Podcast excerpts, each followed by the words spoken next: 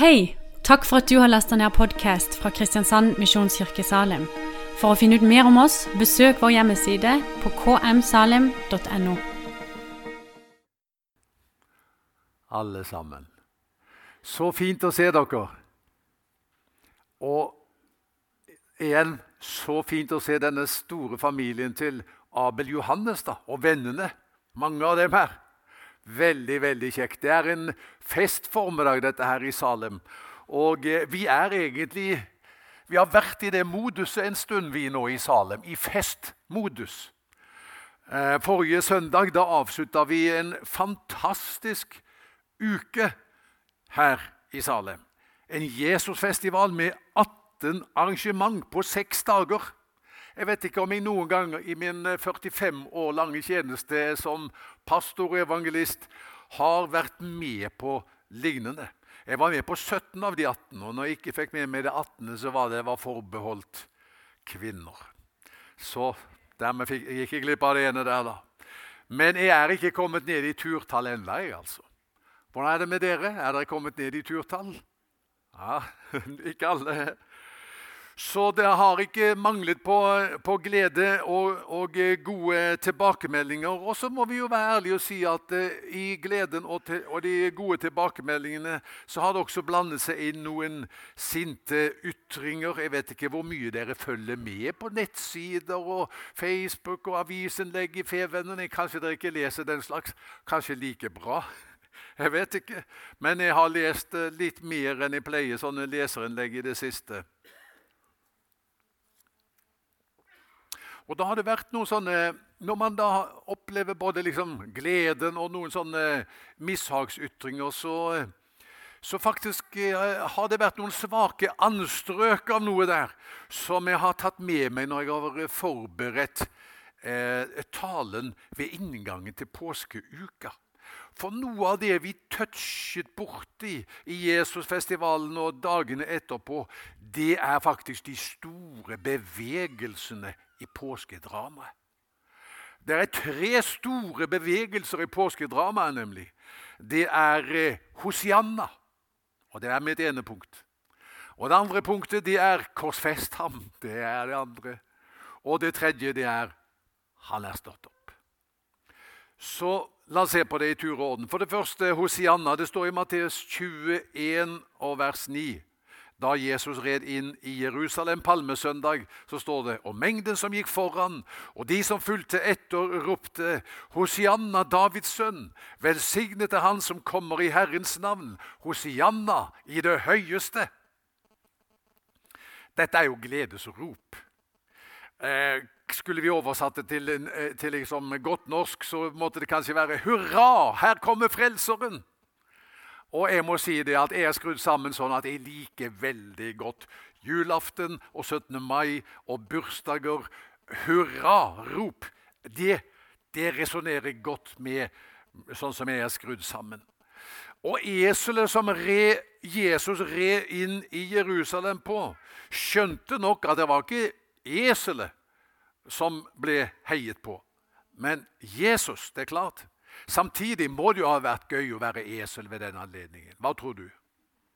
Det må jo ha vært en stor opplevelse å være esel som får lov å bære Jesus inn i Jerusalem til slike gledesytringer. Og vet du hva? Nå er jeg 65 år, og jeg har vært i tjeneste i Guds rike i 45. Kanskje mer enn det, men iallfall 45. Og jeg har jo da, Når jeg ser tilbake på disse 45 årene, opplevd mange tider med vekkelse og fornyelsesperioder, der folk blir frelst noen ganger i stort antall, blir fylt av Den hellige ånd, og folk er begeistret for Jesus. Det er jo kjekt. Det liker vi. Nå er det ikke like kjekt når folk hever røsten til kritikk. Og vet du hva? Nå skal jeg lette litt på uh, på eh, sløret skal jeg si at de gangene som jeg har opplevd det, så har jeg veldig fort konkludert. Nå har du gjort noe veldig feil, for nå høster du kritikk. Har du tenkt det? Og Noen ganger har det vært noe i kritikken nå. Og hvis jeg da har vært vis og har lyttet vet du hva, da har kritikken vært en læremester og en venn som jeg har vokst på som menneske. Så det skal du huske på. At, eh, har du møtt kritikk noen gang? Nei? Det er bare meg. Du har møtt kritikk. Hvis du ikke i utgangspunktet tenker at det, nå, nå, er det en fiende som kom inn i livet mitt, men det kan faktisk være en venn som vil, som vil hjelpe deg å kalibrere livsstilen din, om du vil, eller tenkningen din, om du vil, så kan det være så nyttig, fordi da modnes du som menneske. Men her er noen viktige nyanser. For kritikk vil alltid være en del av virkeligheten for den som vil være trofast mot Jesus. Derfor bør, vi, bør ikke kritikk forferde oss like mye som totalt fravær av kritikk. Får vi aldri kritikk, da er det grunn til uro. For Jesus sa 'ved dere når alle taler vel om dere'. Noen ganger er det prislappen for trofasthet mot Jesus at vi høster motstand, og i noen deler av verden forfølgelse. Og Vi har jo Kristian og Hammed med oss her, som kan fortelle om det. Nå vet dere at det er ti bud i Bibelen, øh, men i Norge har vi et ellevte bud. Øh, jeg vet ikke hvordan det er i Ukraina, Nadia, men i Norge har vi elleve bud. Og det ellevte budet det lyder som så Du skal ikke skuffe noen. Og Hvis vi tenker at vi kan gå gjennom livet uten å skuffe noen, da er vi ute og kjører. For Jesus skuffet mange. Har du tenkt på det? What? Skuffet Jesus mennesker noen gang? He did. Han gjorde det. Han skuffet familien sin. De tenkte han må være godt for forstanden, sa de ved en anledning. Han skuffet menneskene han vokste opp sammen med i Nasaret, så mye at de ville styrte ham utfor en klippe. Han, styrtet, han, skuffet disiplene sine så mye at noen av dem sviktet ham, eller de alle vel sviktet ham. Og, og Judas forrådte ham, og Peter bannet på at han ikke kjente ham. Han skuffet folkemengdene fordi de ønsket en Messias som var politisk, eller en som kunne brødfø dem. Han skuffet de religiøse lederne som forstyrret hverdagen deres og teologien deres. Så hvis vi skal være etterfølgere av Jesus, så må vi tenke som så at eh, vi får være glade når folk roper 'hurra for Jesus'. Og så må vi tenke som så at eh, som Jesu etterfølgere så vil det ikke nødvendigvis alltid være sånn. Okay? Det var punkt én. Punkt to. Eh, den andre dynamikken, den andre bevegelsen i påskeuka, den oppsummeres i setningen eller uttrykket 'korsfest ham'. Vi leser i Markus 15, 12. Pilatus tok på ny til ordet. Hva vil dere da at jeg skal gjøre med ham som dere kaller jødenes konge? Korsfest ham, skrev de tilbake, skrek de tilbake. Pilatus spurte, hva ondt har han da gjort? Men de skrek bare enda høyere, korsfest ham. Pilatus ville gjerne gjøre mengden tilfreds. Han ga dem Barabbas fri, men lot Jesus bli pisket og overga ham til å bli korsfestet. Har du tenkt på det? Det er ikke så mange dager fra palmesøndag til langfredag. De menneskene som hadde ropt Hosianna palmesøndag, ropte 'korsfest ham langfredag'. Hva var det som var skjedd? Han svarte ikke til forventningene deres. De trodde han skulle kaste ut den romerske okkupasjonsmakten. Det gjorde han ikke. Hvordan skal vi forholde oss til verden som roper 'korsfest ham' og vil rydde Bibelens Jesus av veien? da? Eller i alle fall vil støpe han i sin egen tidsriktige form? Pilatus prøvde seg på en slags dialog, men det gikk ikke så godt. Hva var det vi leste? Han sier, 'Hva vil dere da jeg skal gjøre med ham som dere kaller jødenes konge?' Korsfest ham, skrek de tilbake. Hva ondt har han da gjort? Men de skrek bare enda høyere, korsfest ham. Her er det ikke så veldig mye dialog. Er du enig? Han spør hva skal vi gjøre? Korsfest ham. Hva galt han da gjort? Korsfest ham. Der var det ikke mye dialog. Så da ga han etter for presset og korsfestet en mann som han visste ikke hadde gjort noe galt. Han ville gjerne gjøre mengden tilfreds, leser vi. Hmm.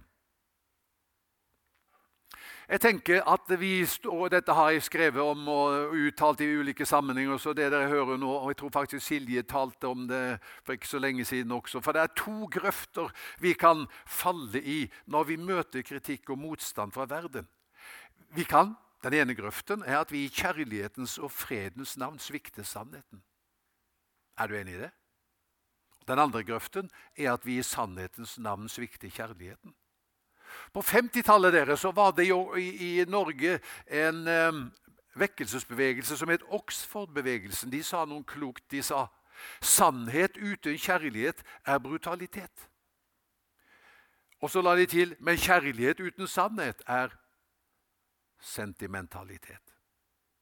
Altså heller ikke liksom, kjærlighet, slik Jesus uttrykte det. Så hva er veien fremover for oss, dere? Og dere må høre godt etter, for dette vil dere møte på arbeidsplasser, hjemme kanskje ved kaffebordet. I mange ulike situasjoner så vil dere møte mennesker som tenker annerledes og har andre meninger. Hvordan skal vi forholde oss til det? Og svaret er respektfull overbevisning.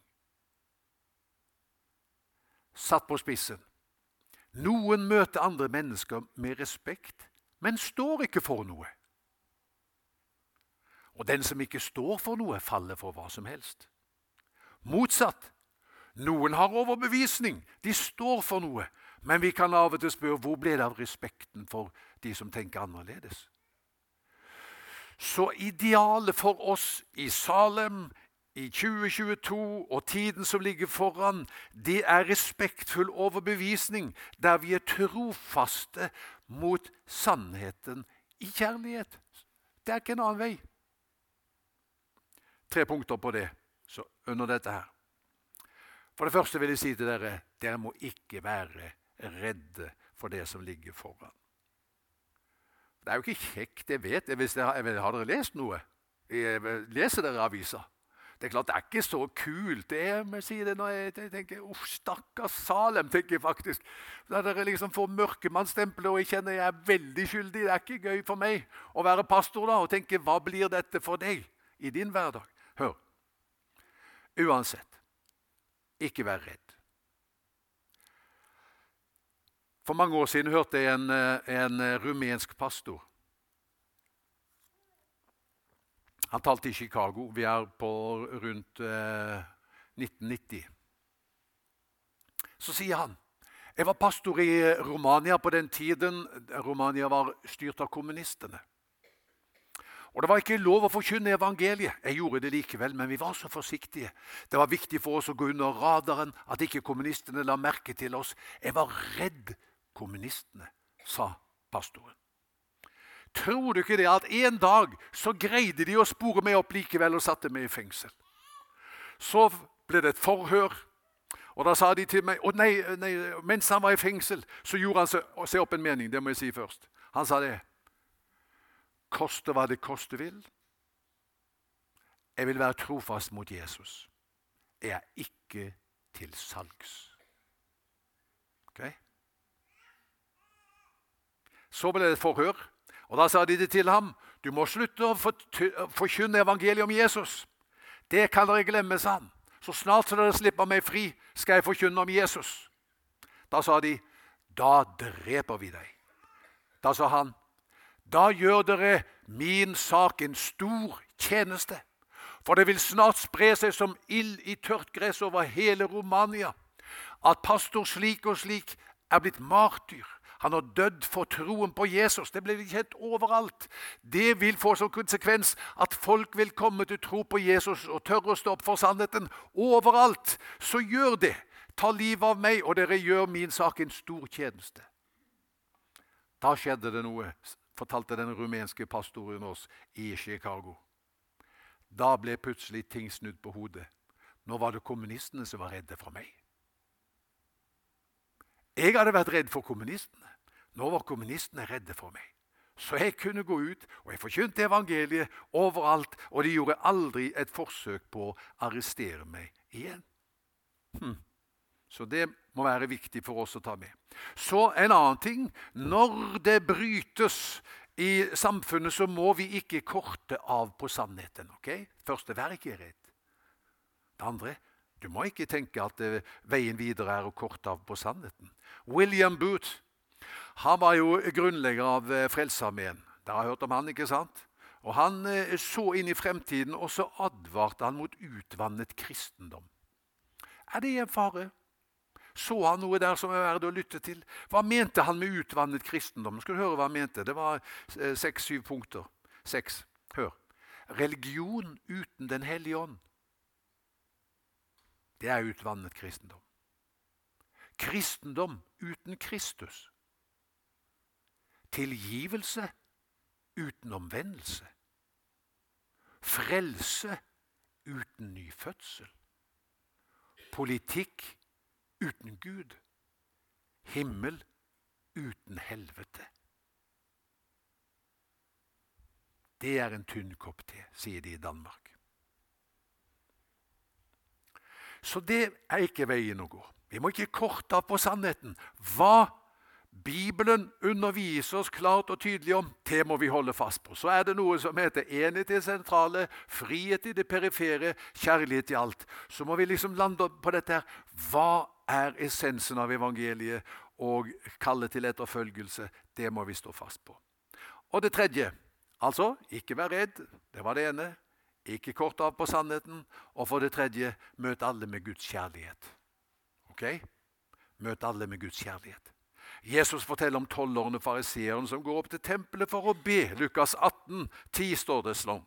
To menn gikk opp til tempelet for å be. Den ene var fariseer, og den andre toller. Fariseeren stilte seg opp for seg selv og ba slik.: Gud, jeg takker deg for at jeg ikke er som andre mennesker, de som svindler, gjør urett og bryter ekteskapet, eller som den tolleren der.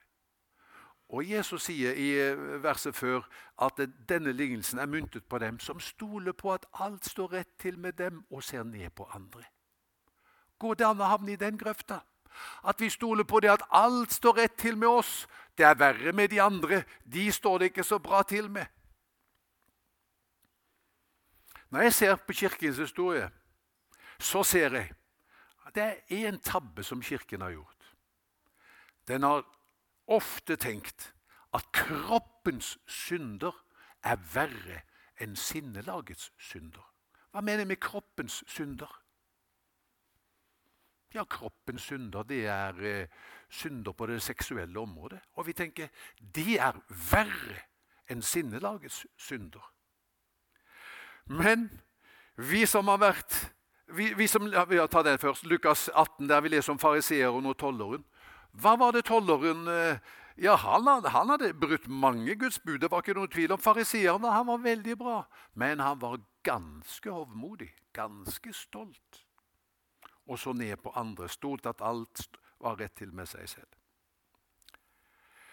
Vi som har vært med på 21 dager for ansikt til ansikt, har vi vært med på det, mange av oss? Vi hadde tre uker jeg forteller det til dere som er våre gjester. så, så dere er med på dette. her. Vi hadde tre uker her i Salem med, med bønn hver kveld fra seks til syv i dette rommet og i to rom oppe. Så hadde vi kors, sånn som det som står der. Og da, i tre uker, vet du hva vi gjorde? Vi var for Guds ansikt, og så bekjente vi våre egne synder. Og da, en av lesestykkene som var da, Hvis dere husker det det, det, handlet jo i grunnen en hel uke om ydmykhet og stolthet. Og da sto det 'stolthet er alle synders mor'. Det er liksom stolthet Det springer ut av alt sammen. Og så tenker vi at det, det, det, står veldig bra til med oss, for jeg er ikke sånn som han. Eller det står veldig bra til meg, for jeg er ikke sånn som han. Men er du stolt? Ser du ned på andre? Hmm. Det var viktig for oss de tre ukene når vi var der ved korset og bekjente våre synder og sa jeg har nok, Herre, med mine egne nederlag. Tilgi meg. Så der har du veien videre, sånn som jeg ser det. Ikke vær redd. Hold fast på sannheten. Møt alle med kjærlighet. Det er, eh, det er respektfull overbevisning. Til slutt den tredje bevegelsen i eh, eh påskedramaet, det er oppsummert i dette budskapet som lød fra englene der ved graven påskemorgen. Han er stått opp! For det var jo disse tre som vi sa. Hosianna, hurra for Jesus, det var ene. Det andre, korsfest ham. Og det tredje var altså han er stått opp. Vi leser fra Lukas 24, 5 at englene sier til kvinnen som kommer til graven tidlig på morgenen for å salve Jesu kropp, og så er graven åpnet, og, så, og Jesu legeme er ikke der. Så sier englene, 'Hvorfor leter dere etter den levende blant de døde?' Han er ikke her. Han er stått opp. Det budskapet eh, snudde jo allting på hodet og ga disiplene nytt mot til å gå inn i framtiden. Selvfølgelig. Det er jo budskapet om Jesu oppstandelse som plasserer kristendommen i en særstilling. Og Vi ser det så godt i fortellingen om disse to disiplene også nå i Lukas 24. Etter at Jesus hadde møtt kvinnene ved graven, så leser vi om to disipler som er på vei fra Jerusalem til Emmaus, en liten landsby som ligger vest for Jerusalem. Og eh, De er så nedstemt. Du må gjerne lese det. En utrolig sterk fortelling i Lukas 24.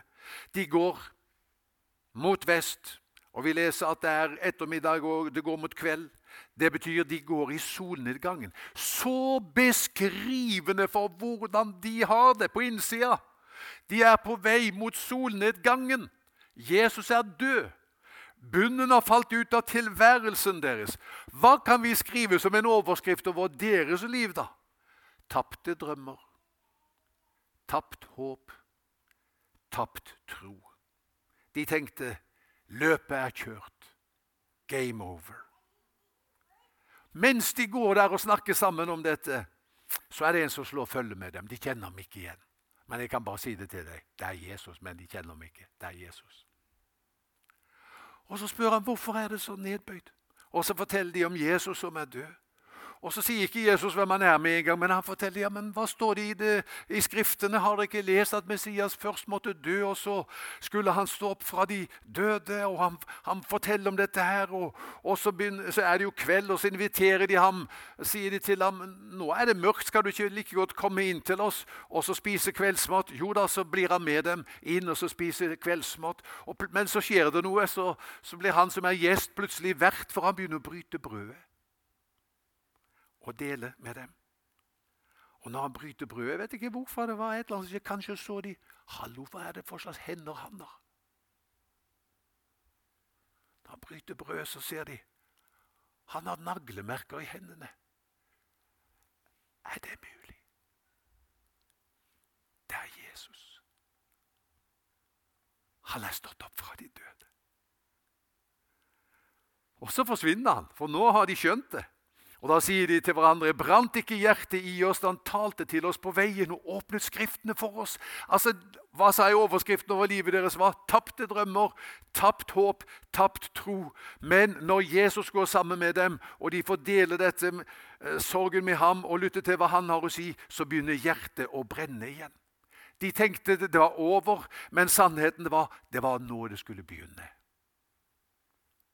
Så jeg har lyst til å si det til dere som har hørt Hosianna-ropene og kanskje krympet deg over noen sinte ytringer også. Jesus lever. Han er her. Han åndet på disiplene den gangen.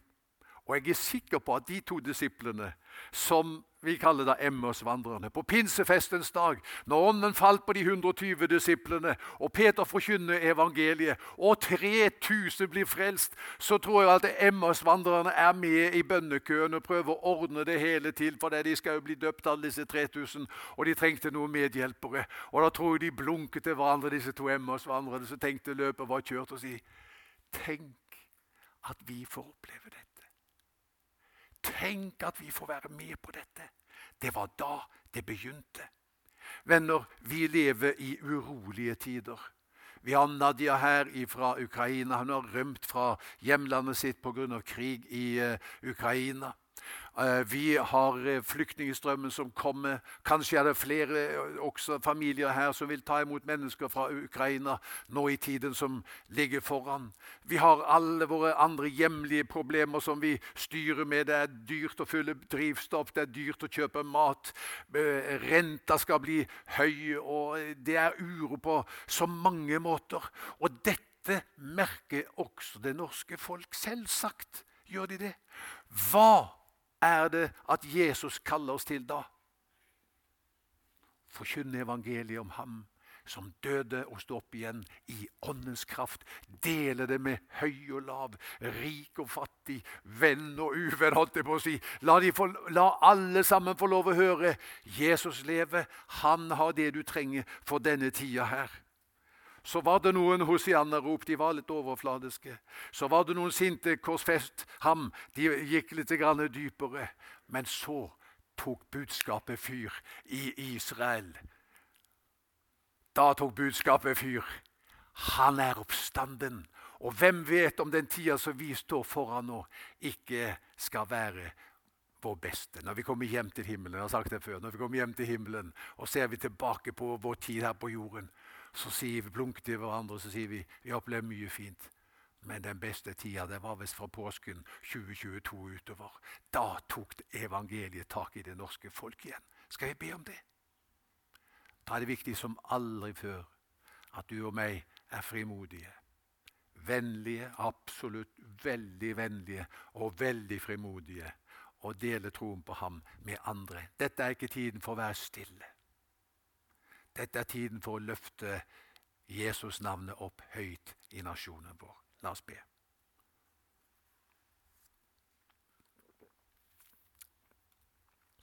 Herre, vi priser deg for eh, at påskedramaet slutter med oppstandelsen. Vi priser deg for at du lever for aldri mer å dø. Vi takker deg for at du som åndet på disiplene den gangen da de satt eh, redde bak stengte dører, leser vi. Kom du til dem. Og eh, de fikk erfare åndens kraft i sitt liv, og pinsedag kom, og mennesker ble frelst. Så ber vi deg, Herre, at vi skal få lov å se at ordet om deg, som døde for våre synder og sto opp igjen for å gi oss et nytt liv, at du får lov å komme til på nytt igjen i folket vårt. Det ber vi om. Og jeg ber for denne forsamling at de skal få lov å gå med rake rygg ut i hverdagen med hodet løftet og med et åpent blikk, og møte alle mennesker med vennlighet og kjærlighet, fordi vi har fått møte deg og har så mye å dele med våre medmennesker. Amen.